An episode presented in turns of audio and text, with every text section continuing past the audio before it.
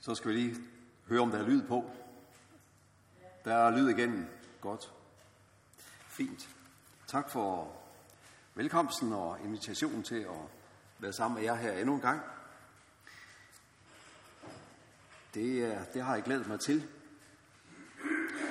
Og øh, jeg ved godt, det er sådan for nogle prædikanter en vis retorik, øh, så kan man sådan fortælle det samme hver gang. Det er nu ikke helt rigtigt, for min del i hvert fald. Øh, jeg har glædet mig til det.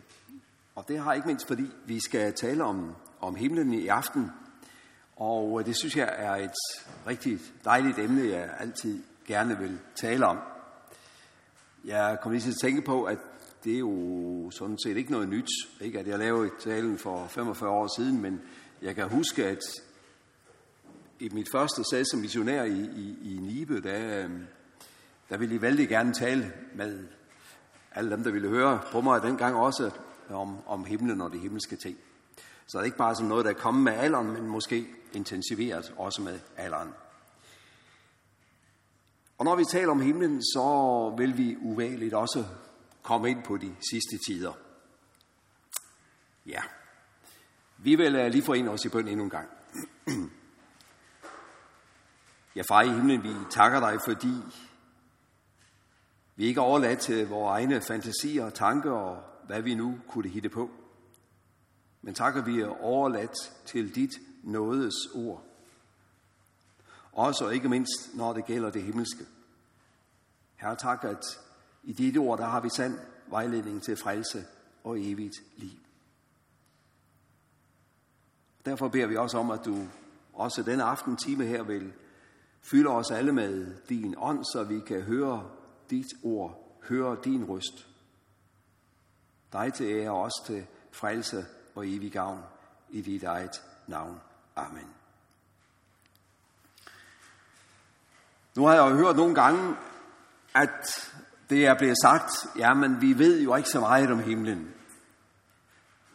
Og nogle gange bliver det så brugt som et mere eller mindre godt dårligt argument for, at så finder vi et andet emne. Når det sådan lige har med vores hverdag og vores liv at gøre. Men øh, jeg vil alligevel sige, at jeg synes nu, vi i hvert fald kunne forholde os til, hvad er det så, vi ved? For noget ved vi vel. Ja, det er jo så det store spørgsmål. Hvad ved vi egentlig om himlen? Ja, det er jo sådan set lige ud af landevejen, kan man sige. Fordi himlen det er ganske enkelt stedet, hvor Gud bor. Det kender vi fra, fra fader vor. Og, og den øh, beder de fleste af os formodentlig hver dag. Måske et par gange en dag om dagen. Derfor skal I bede således, sådan lærte Jesus sine disciple jo.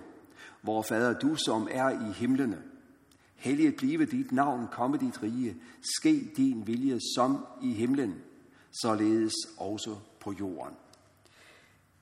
I himlene, i himlen, det er der, hvor Gud bor.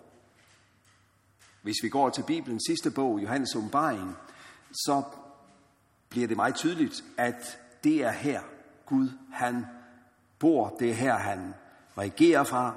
Det er her, han har sit tempel, sin trone. Det er der, det hele styres fra. Himlen, det er altså der, hvor Gud er. Det kan vi slå fast herud fra bare fader vor, og det kan som sagt jo underbygges fra en mængde andre steder i den hellige skrift. Men himlen er faktisk også det sted, hvor dit og mit hjerte skulle være. Det står lidt længere fremme i bjergprædiken der, hvor, hvor, man, hvor vi har fader, hvor Matthæus 6.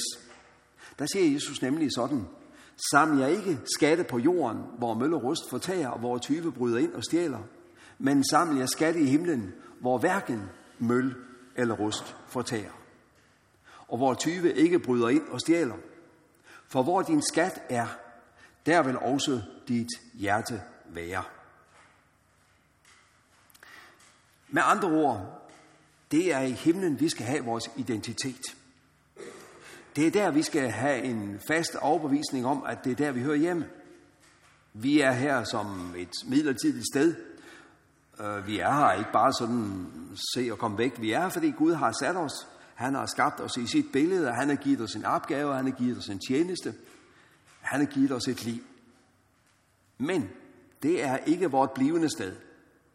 Vi er på vej mod det himmelske kanan, som vi lige sang i en af de gamle gode himmelske vækkelsesange for lidt siden. Vi er på vej mod dette mål. Der bor Gud. Og han vil, at der skal du og jeg også hen. Han vil ikke bare have denne herlighed for sig selv. Han vil have fællesskab med os mennesker. Han, han vil dig og mig, som vi siger nu om dagen. Og det vil han på sådan en måde, så det ikke kan sidestilles med noget som helst andet i denne tilværelse. Lad os begynde i Gamle Testamente, hvor vi hos profeten Esajas læser sådan her. Dette siger den højt ophøjet, som trone for evigt, hvis navn er hellig. Jeg bor i det høje og hellige, og hos den, der er knust, hvis ånd er nedbøjet, for at opleve den nedbøjede ånd og opleve det knuste hjerte. Vi skal lige lægge mærke til et enkelt lille ord her, nemlig og. For det første stod det ikke i den foregående oversættelse af Gamle Testamente. Jeg skal ikke gøre mig klog på det hebraiske sprog, hvad, hvad der er mest korrekt øh, oversat. Jeg kunne forestille mig, at den nuværende oversættelse har taget dette og med, som for ligesom at gøre det lidt mere øh, let flydende læseligt. Uanset hvad, så er det med til at understrege pointet her. Jeg, siger Herren, bor i det høje og hellige hos den, der er knust. Gud bor altså ikke blot i det høje og det hellige og har det for sig selv. Nej, han har opsøgt mennesket. Han er nær hos den, der er knust, hvis ånd er nedbøjet. Ikke bare for at, at, at være solidarisk i nøden og elendigheden, som det desværre nogle gange bliver forkyndt i dag, men for at opleve den nedbøjede ånd og opleve det knuste hjerte. Han er kommet for at gøre noget ved det.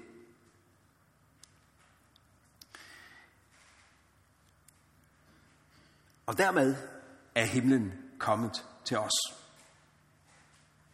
Ja, kan I huske, da Jesus og Johannes Døberen trådte frem på arenaen, ja, der var sådan set essensen af deres forkyndelse, eller i hvert fald i starten, det var omvendt jer for himmeriget at komme nær.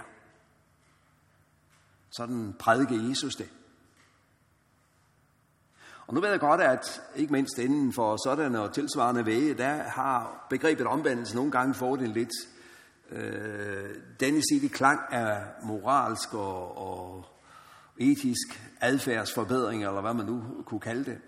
Og øh, det kan der meget vel også ligge i det. Men det er noget helt andet, der er selve sagen og pointet i det. Det er nemlig, at Gud vil være nær hos dig og mig, hos mennesket, fordi han elsker os så urimelig højt. Han vil være os helt nær. Da Paulus skriver sit kendte brev til Filipperne, fængslet formodentlig i Rom, i der, der søger han ikke at, at animere til, at de skal lave en underskriftsindsamling i Filippi, for at han kan blive udfriet af fængslet. Nej, han skriver et brev med glæde som hovedord. Glæd jer i Herren, står der lige i verset før, i vers 4, og, og der står også i vers 5 og 6, ja. Men ind midt i alle disse rigtig gode vers, som jeg holder vældig meget af, og som I har hørt rigtig mange gange, både til andagt, vidnesbyrd, indledning og afslutning, der står der disse tre ord der, som I næppe har hørt holdt andagt over ret mange gange. Jeg har i hvert fald aldrig hørt det. Men det var en dag, hvor jeg, og det er jo så et af mine privilegier, at jeg engang imellem er piske til og skal arbejde med Guds ord. Som regel har jeg også lyst til det. Men, men som prædikant forkynder, så er man jo simpelthen nødt til det, og nogle gange er det jo også noget ganske elementært hårdt arbejde, der simpelthen skal klares. Og der så gik det op for mig, jamen det er jo hovedordene af det her. Det er noget af den røde tråd i, i den hellige skrift. Her har vi forklaring på, hvorfor en Paulus skulle skrive sådan et brev. Hvor glæden er hovedordet, selvom han er i lænker og fængslet og, og, og ganske åbenlyst taler om, at det er meget muligt, at han også bliver henrettet, men, men øh, han har glæden i Herren, og han er, har troen på Jesus, og øh, så kommer alt andet i en sekundær række. Hvordan kunne han klare det, denne mand? Jo, jeg tror, han så konkret og fysisk, som man nu må kunne forestille sig det, erfaret, mærket, Herren er nær.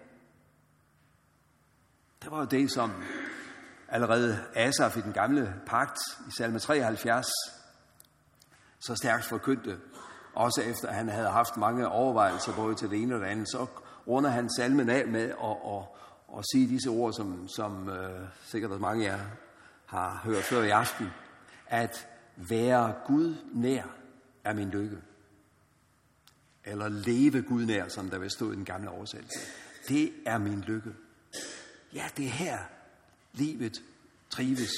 Der, hvor Herren er nær. Det er her, evigheden beredes bedst muligt.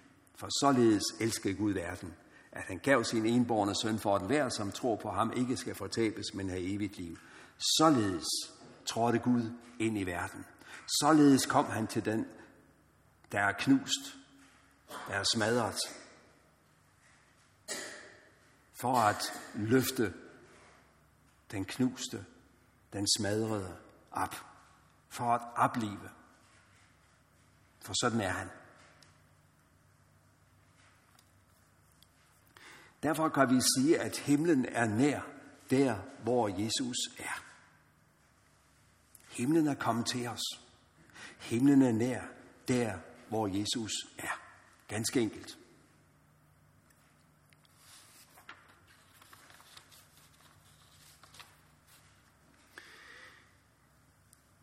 Men himlen det er også et konkret sted.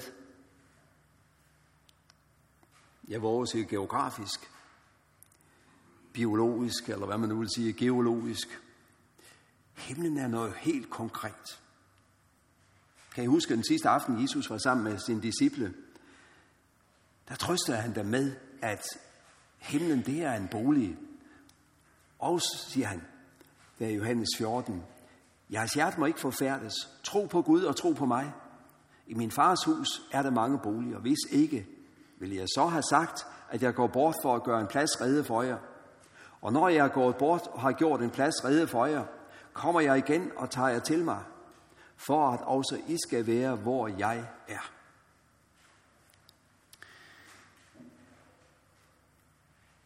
Jesus gav dem, gav disciplene det himmelske hjem at se frem til. Han ville holde dem fast i den forventning til, at der kommer en ny himmel og en ny jord. Det her er ikke det blivende sted. I har et mål. Det er det himmelske hjem. Og nu går jeg bort, siger han, for at gøre en plads reddet til jer. Og når jeg går bort og har gjort en plads reddet for jer, så kommer jeg igen og tager jer til mig. For at også I skal være, hvor jeg er. Kan I høre? Det er den, det er den elskende, der taler så stærkt til sin elskede. Det er brudgommen, der taler til sin brud. Hvor jeg er, der skal du også være. Alt andet er unaturligt, hvis man elsker hinanden. Og det var også et af de røde tråde i den hellige skrift. Sammenligningen mellem Jesus som brudgommen, kongesønnen, og så Kristi Kirke, menigheden, som bruden. Nu springer vi lige lidt frem til nutiden, eller rettere sagt, jeg lidt egentlig tilbage i tiden. Måske nogen af jer kan huske, der var en sang, vi sang, nogle, i hvert fald i visse steder øh, for en del år siden. O, jeg længes hjem til himlens lyse sale. Er nogen af jer, der kan huske, at I har sunget den? Ja, der er et par stykker, som lige svagt kan huske det. Øh, jeg har selv været med til at synge, synge den mange gange. Jeg kan huske, at vi på et tidspunkt på Diakonhøjskolen, da jeg var diakonelev der, øh, sang den jævnligt. Jeg husker en gang, vi var på vej hjem, om det var en ekskursion et eller andet sted, der havde muligvis eller sandsynligvis været. Vi var enten i en bus eller et tog eller sådan noget der. Jeg husker ikke hvad. Vi sad med vores guitar, og, og så sang vi på livet løs. O, jeg længes hjem til himlens lyse sale. Og, og det havde vi det vældig godt med. Jeg ved ikke, kan du huske det, øh, Hanne? Nej. Du, øh, vi husker det forskelligt. Hanne, hun gik også på det hold, øh, men øh, i hvert fald på et tidspunkt. Om det her var før, skal jeg ikke kunne sige. Nå, men pointet er, at så siger en, at hun er en gammel, øh, men dy, dygtig god lærerinde, da hun over 50. Og kære venner. Ja, så siger hun, sig mig engang, hvad er det, I sidder og synger? Længes I virkelig hjem til himlen? I er i færd med en god uddannelse, snart færdig, nogle af jer opfører som om I ser ud til, at I også har tanker om at stifte familie. Og så synger I, ro jeg længes hjem til himlens lyse sale. Nå, ja, jeg husker ikke sådan præcis, hvad vi svarede, men, men øh, vi var for så vidt jo rimelig vant til at skulle stå mål for de synspunkter og holdninger, vi nu engang havde, og øh, vi øh, slækkede ikke på, at det sang vi af hele vores hjerte, det mente vi også videre. Om vi så også fik sagt, og det er jo væsentligt at få fat i, at når vi taler om at længes hjem til himlen, og har det som vores identitet og vores mål osv., betyder det bestemt ikke nødvendigvis, at vi synes, hver eneste dag i denne tilværelse er forfærdelig. Jeg vil våge påstå, at jeg stadigvæk kan synge den sang, selvom det er noget siden, jeg har sunget den sådan alle versene, af hele mit hjerte. Og samtidig så hører jeg til dem, der glæder mig over hverdagen. Over det liv, der nu er blevet mit. Af hele mit hjerte. Og, og jeg har en ganske enfoldig overbevisning om, at jeg så nogenlunde er der, hvor jeg skal være. Jeg tror, det er vigtigt at holde fast i det spændvide, at vi på den ene side må få lov til at længes hjem. Og der kan være dage, hvor livet det går lidt på kryds og tværs, og virkelig er svært. Så, så er det måske lettere at sige, at jeg længes hjem til himlens lyse sale. Øhm, jeg har nu øvet mig lidt i det, og synes, at det, det er virkelig rigtigt at kunne synge det og sige det, og leve i det, også i de dage, hvor der er solskin og medvind på cykelstierne. Jo, fordi ganske vist kan denne verden være trang og fuld af trængsler. Det ved vi. Det har vi erfaret for så vidt alle sammen på nogle måder. Og alligevel, så er vi sat her, fordi Gud vil, at vi skal tjene og lære ham at kende ud fra dette jordeliv på denne afstand, fordi vi kan jo ikke se ham. Som du og jeg med vores normale syn kan se hinanden. Vi må nøjes med at tro på ham. Og det er så ikke så let. Hvordan har du det med alt det, øh, jeg siger her? Længes du hjem til himlen? Hvor meget betyder egentlig den kommende himmelske verden i din hverdagstænkning? Du behøver ikke at svare øh, sådan højt for mig eller andre i aften, men, men prøv at teste dig selv lige. Længes du hjem til himlen? Forstå på den måde, at du fryder dig og glæder dig over det liv, du har her nu, velvidende, at der er en herlighed i vente, som er langt, langt bedre end den herlighed, vi nogle gange kan synes, dette liv også er.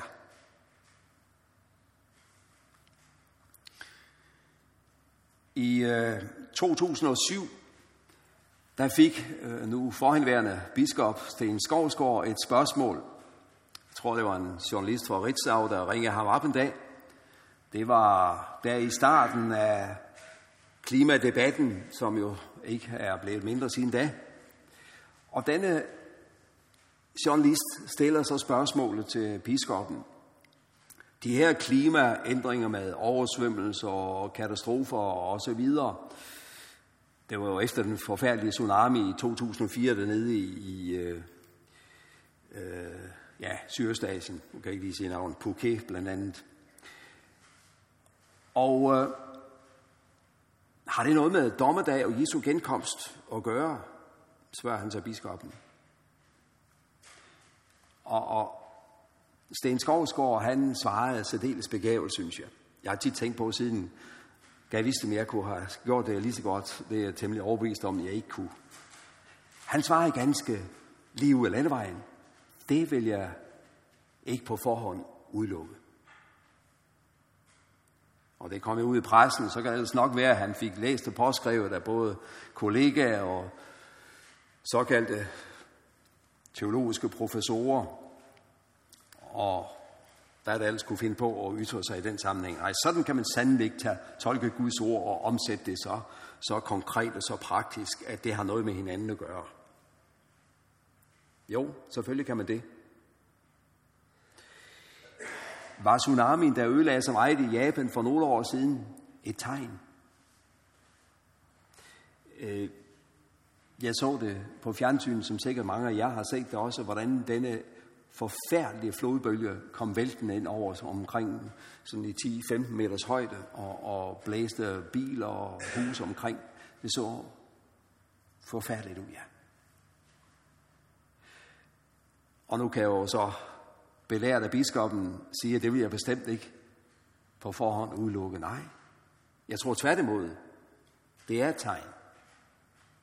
Jeg tror virkelig, at vi skal lægge mærke til, hvad der sker, også i naturen, i den verden, vi lever i. Jesus sagde jo, som bekendt, der skal ske tegn i sol og måne, og stjerner, og på jorden skal folkene gribes af angst, rådvilde over havets og brændingens brusen. Mennesker skal gå til at skræk og af frygt for det, der kommer over verden. For himlens kræfter skal rystes, og der skal de se menneskesønnen komme i en sky med magt og egen herlighed. Men når disse ting begynder at ske, så ret jer op og løft jeres hoved, for jeres forløsning nærmer sig. Der skal altså ske tegn i sol og måne og stjerner. Så det skal vi være opmærksom på, ellers var det jo så ingenting, Jesus har sagt det. Det er jo fordi, vi skal være op på duberne. Vi skal ikke sidde og, og, og bare kigge ned i skødet. Vi skal følge med i, hvad der sker. Også på den politiske skala rundt omkring på jordkloden.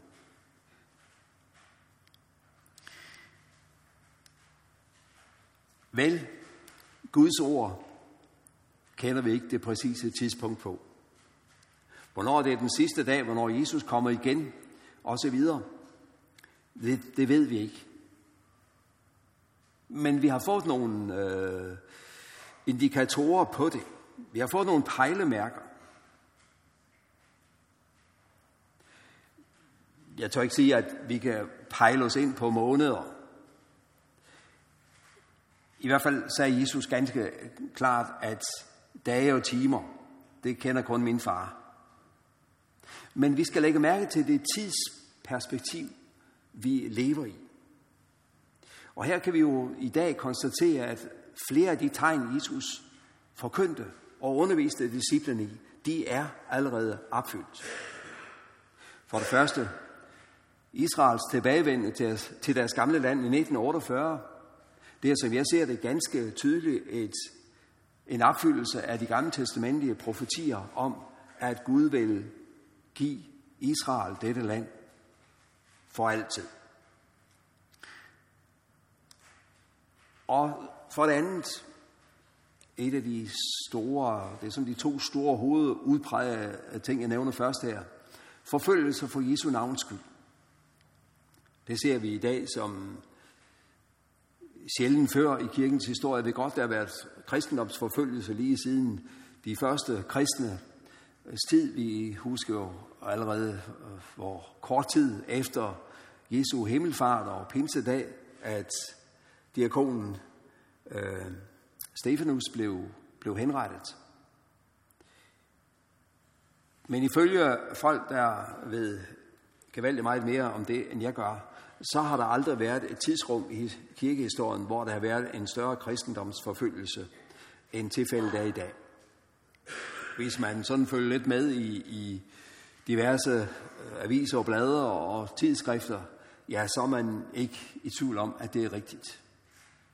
Det gælder både i det mellemste østen, Iran, Irak, Syrien, til dels Ægypten også, dels stadig i Afrika, Asien.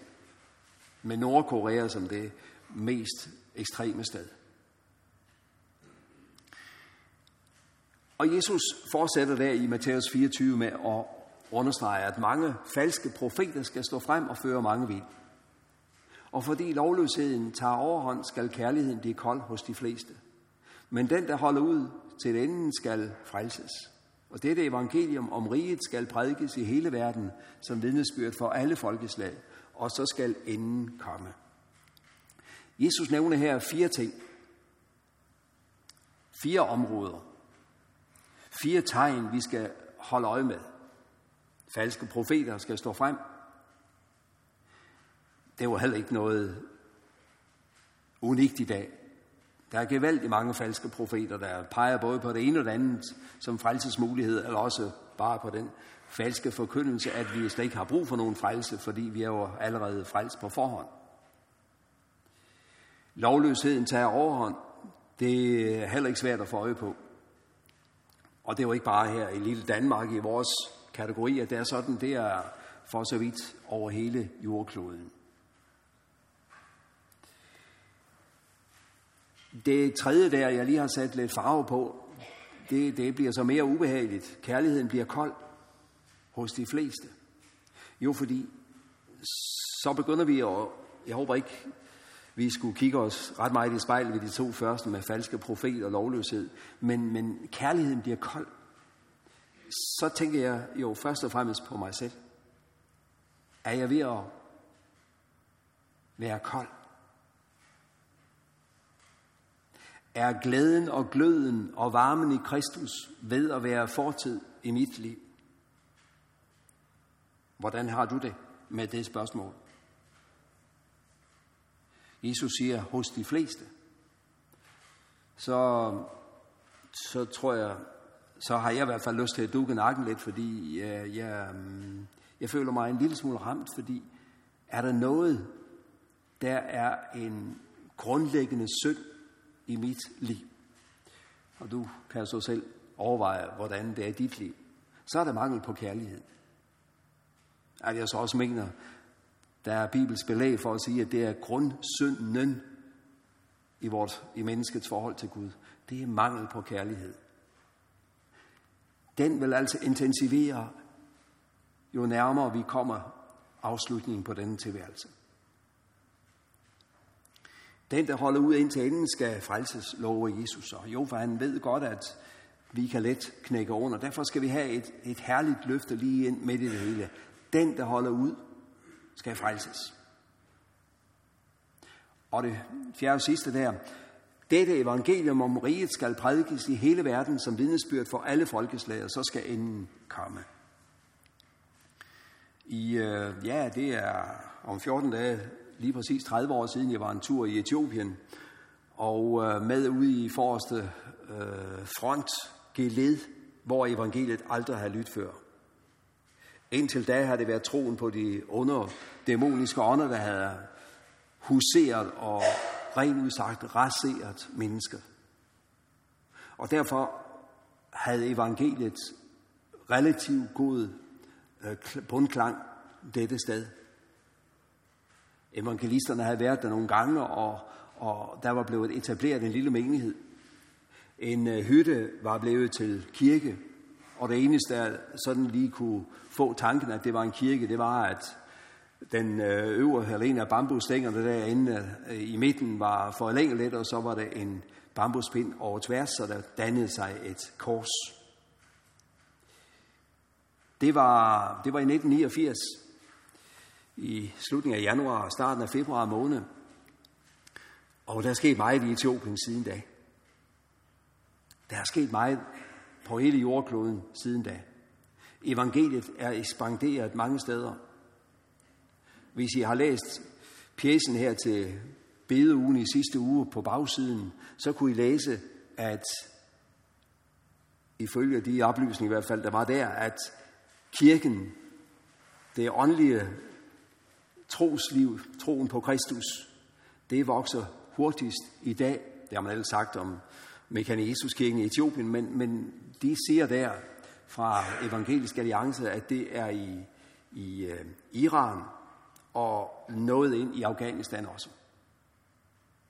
Der er vækkelser. De skriver, det har det været siden Sjæren han øh, faldt der i 79. Øh, jeg har snakket med nogle af, vi havde jo, jeg tror der var 31 øh, iranere, der blev døbt i Fredericia i, i slutningen af 2015, og så i, i det første halvår af 2016. Og, og dem har vi jo snakket mange med, med mange gange, og, og fik også lov at stå fader til, eller vidne til et par stykker. Og de ser jo sig selv som en del af Guds plan i alt det her. Frelsesplanen. Men som sagt, vi ved ikke, hvornår tiden er inde. Guds uret, det kender kun han selv. Vi kan kun se kort, men det vi ser, det skal vi så også lægge mærke til. Og jeg lægger mærke til, at evangeliet har lyttet over hele jordkloden nu. Jeg vil ikke sige, at alle folkeslag er nået, for det kan ikke, det kan ikke bevise eller bevidne. Men vi nærmer os. Jeg tror ikke, vi skal forstå Jesu ord sådan, at alle mennesker på hele jorden skal have hørt eller skal høre evangeliet på samme tidspunkt. Det er ikke sikkert, at de, de får det store flertal i Tyrkiet, det vi kender som Tyrkiet i dag, og som i Nye Testamente jo omtales som Lille Asien. Det er ikke sikkert, at de får chancen igen. Det er heller ikke sikkert, at vi får de store vækkelser i Danmark igen, som vi havde for 100 og 100 år siden. Vi ved det ikke. Og lige en lille krølle, øh, lige en parentes her. Øh, nogle af de etioper, eller prøv jeg sige etioper, iraner, jeg snakkede med og, og spurgte af, hvordan, hvordan er I kommet til tro, og hvad, hvad, ja, men det startede allerede derude. Vi var, vi var lige på en sådan turisttur til Tyrkiet. Der mødte vi nogle kristne. Og, og de såede evangeliet. Det er fantastisk. Hvad er det? Sådan øh, rent statistisk, så er der vel er der omkring 2% kristne, der er registreret i Tyrkiet. Men så kommer der nogle iranere, der er på besøg som turister. Og der er nogle tyrker, der næsten sætter liv på spil for at være vidner. Og, og de planter evangeliet, det bliver plantet, og det bliver modtaget. Guds rige gror. Nå, skal være på, at jeg ikke kører ud i en anden retning end det, der er vores tema i aften. Men bare lige for at sætte det, øh, det sidste tegn, vi lige skal omad nu her i relief. Overordnet så siger Jesus til os, at vi skal lære af lignelsen om fintræet. Han siger der i Matthæus 24, når det skrine bliver bløde og får blade, ved I, at sommeren er nær. Sådan skal også I vide, når I ser alt dette, at han står lige for døren.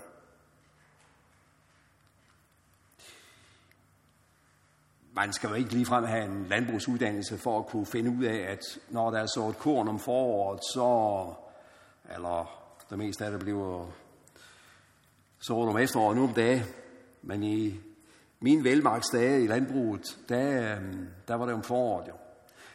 Nu vel, så ved man, at om et rimelig konkret antal uger, måneder, så er det høsttid. Den kan svinge noget afhængig af regnvejr og solskin osv.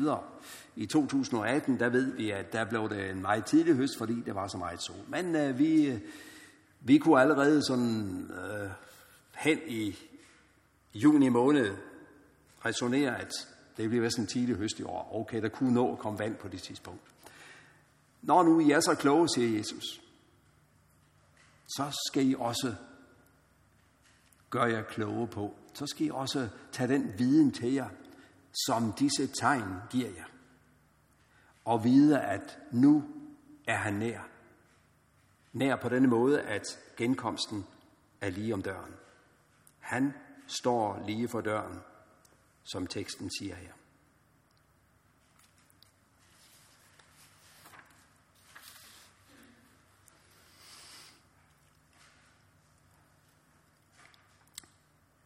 Det bliver næppe en, en behagelig tid, altså det er det jo ikke. Vi ved det jo der, hvor disse vækkelser er i dag i, i øh, både Iran og, og Afghanistan. Det er jo med livet som indsats. Og øh, jeg husker ikke antallet af, af kristne, troende mennesker, der lider døden for navnets skyld. Det er jo rigtig mange, mange hver eneste år, der bliver henrettet. Jesus siger i, i Matthæus 19, at det er værende forud for verdens genfødelsen. Både med forfølgelsen og alle de andre tegn. Jordskælv og oversvømmelse og så videre. Naturens kræfter. Måske kunne vi også sige, at det er et udtryk for, at den gamle jord er ved at være slidt. Men vejerne forud for verdensgenfølelsen, det er jo konkret, hvad Jesus siger. Og jeg lader mig fortælle, at når man har født, det er også Jesus, der siger det, så glemmer man det. Jeg nu, har jeg nu hørt nogle kvinder, der protesterer lidt imod. Kvinden sine smerter ved fødslen, fordi hun tænker på det, der har født, barnet, der er kommet til verden. I hvert fald er det det, Jesus vil have os til at se, også når vi kommer ud fra trængsler. Vi skal se opad og se fremad. Vi skal ikke lade os indfange af det, der er smerte og gør ondt lige her og nu. Vi skal ikke gribes af mismod eller modløshed. Tværtimod. Det var også det, Jesus sagde før. Når disse ting begynder at ske, så ret jer op og løft jeres hoved, for jeres forløsning nærmer sig. Vi lever i denne verden, ja, men vi har vores identitet i det himmelske. Derfor glæder vi os over, så nu sker det. Mund, det snart sker nu.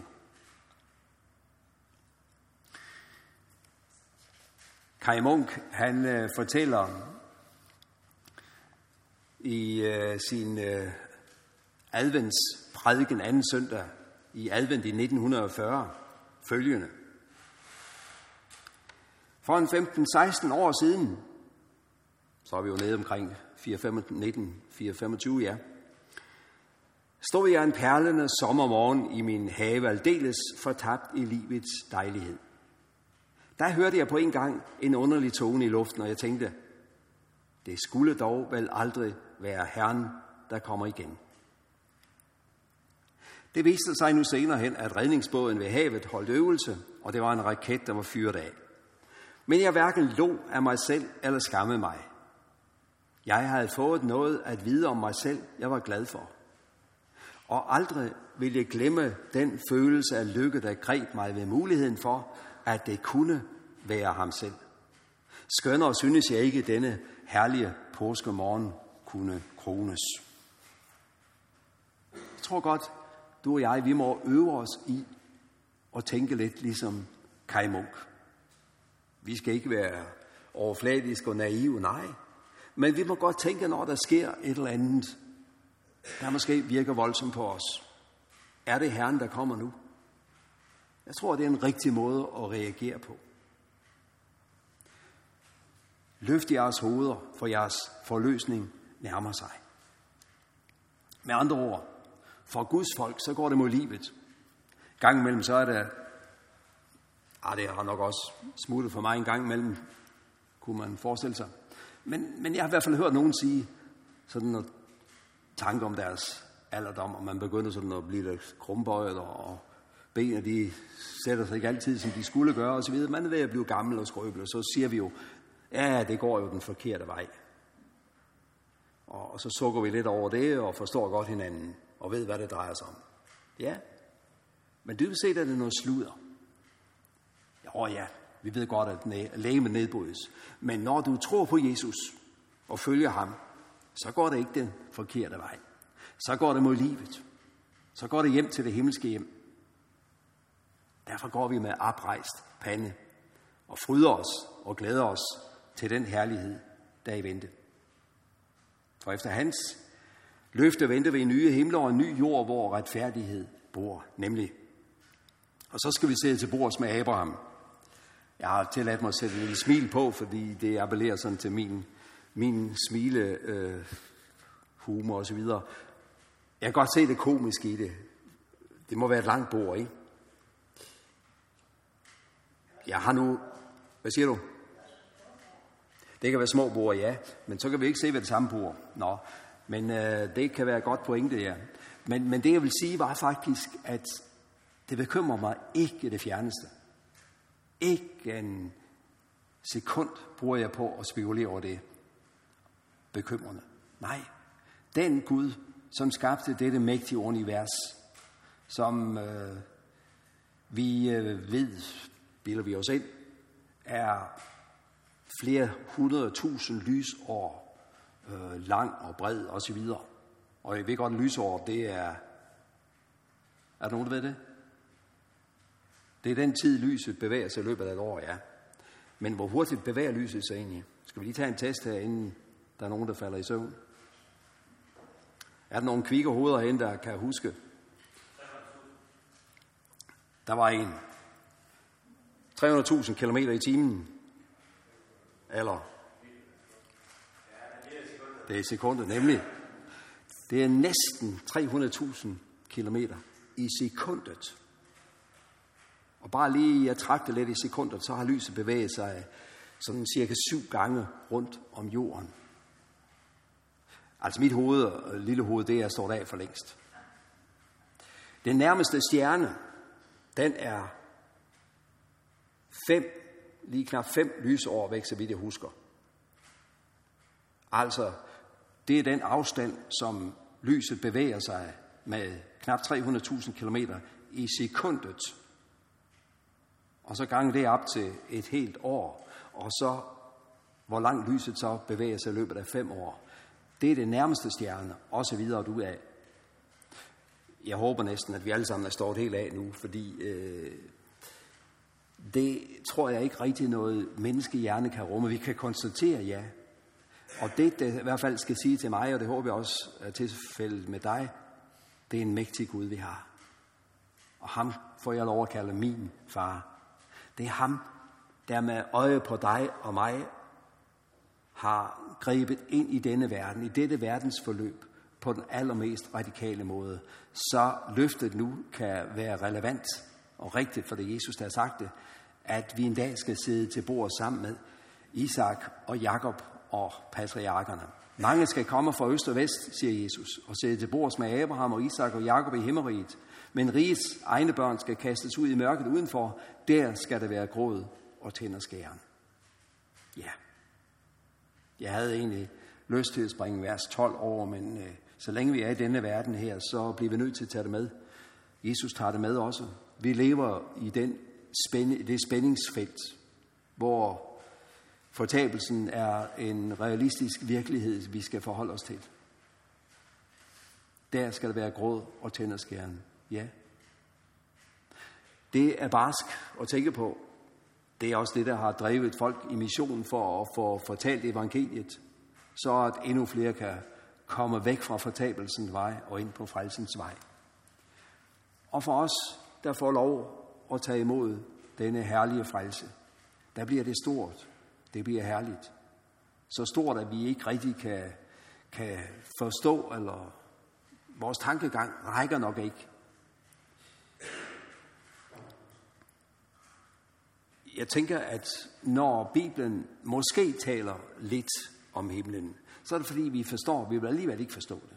Men det vi forstår, i hvert fald når det gælder mig, det er, at vi slipper for alt det negative. Alt det, der er ondt og gør ondt. Tænk, ingen nød, ingen pine eller død. Ingen skal være ked af det. Ingen sorg. Jeg skal aldrig gøre nogen såre nogen længere. Min kone skal aldrig blive irriteret på mig mere, eller omvendt. Det bliver fantastisk. Det bliver herligt. Og jeg så en ny himmel og en ny jord, for den første himmel og den første jord forsvandt, og havet findes ikke mere. Og den hellige by, den nye Jerusalem, så jeg kommer ned fra himlen fra Gud, reddet som en brud, der er smykket for sin brudgom. Og jeg hørte en høj røst fra tronen sige, nu er Guds bolig hos menneskene. Han vil bo hos dem, og de skal være hans folk. Og Gud vil selv være hos dem, og han vil tørre hver tårer af deres øjne, og døden skal ikke være mere. Ej heller sorg, ej heller skrig, ej heller pine skal være mere. Til det, der var før, er forsvundet. Og han, der sidder på tronen, sagde, se, jeg gør alting nyt. Ja. Og så skal vi være et sted, hvor gaderne er af guld, og byen har også øh, byggemateriale af allerhøjeste karakter og karat. Det skal være så flot, at igen den menneskelige evne er, er, har ikke mulighed for at være med. Og der skal ikke være nogen sol eller måne eller noget som helst, for Herren selv skal være midtpunktet og være lyset. Gud give, at du og jeg måtte nå dette mål og have det himmelske hjem for øje. Vi skal bede sammen. Far i himlen, vi vil love og takke og prise dig, fordi du elsker os så højt. Så højt, at du end ikke sparede din egen søn, men gav ham hen for os alle. Herre, vi beder om, at det ikke må være forgæves, at du offer alt for at frelse en sønder som mig. Men herre, vi beder om, at det må møde et taknemmeligt sind, et beredvilligt hjerte. Vi beder om, at det hos os må fremkalde lovsang, tilbedelse og tjenersind, dig til ære.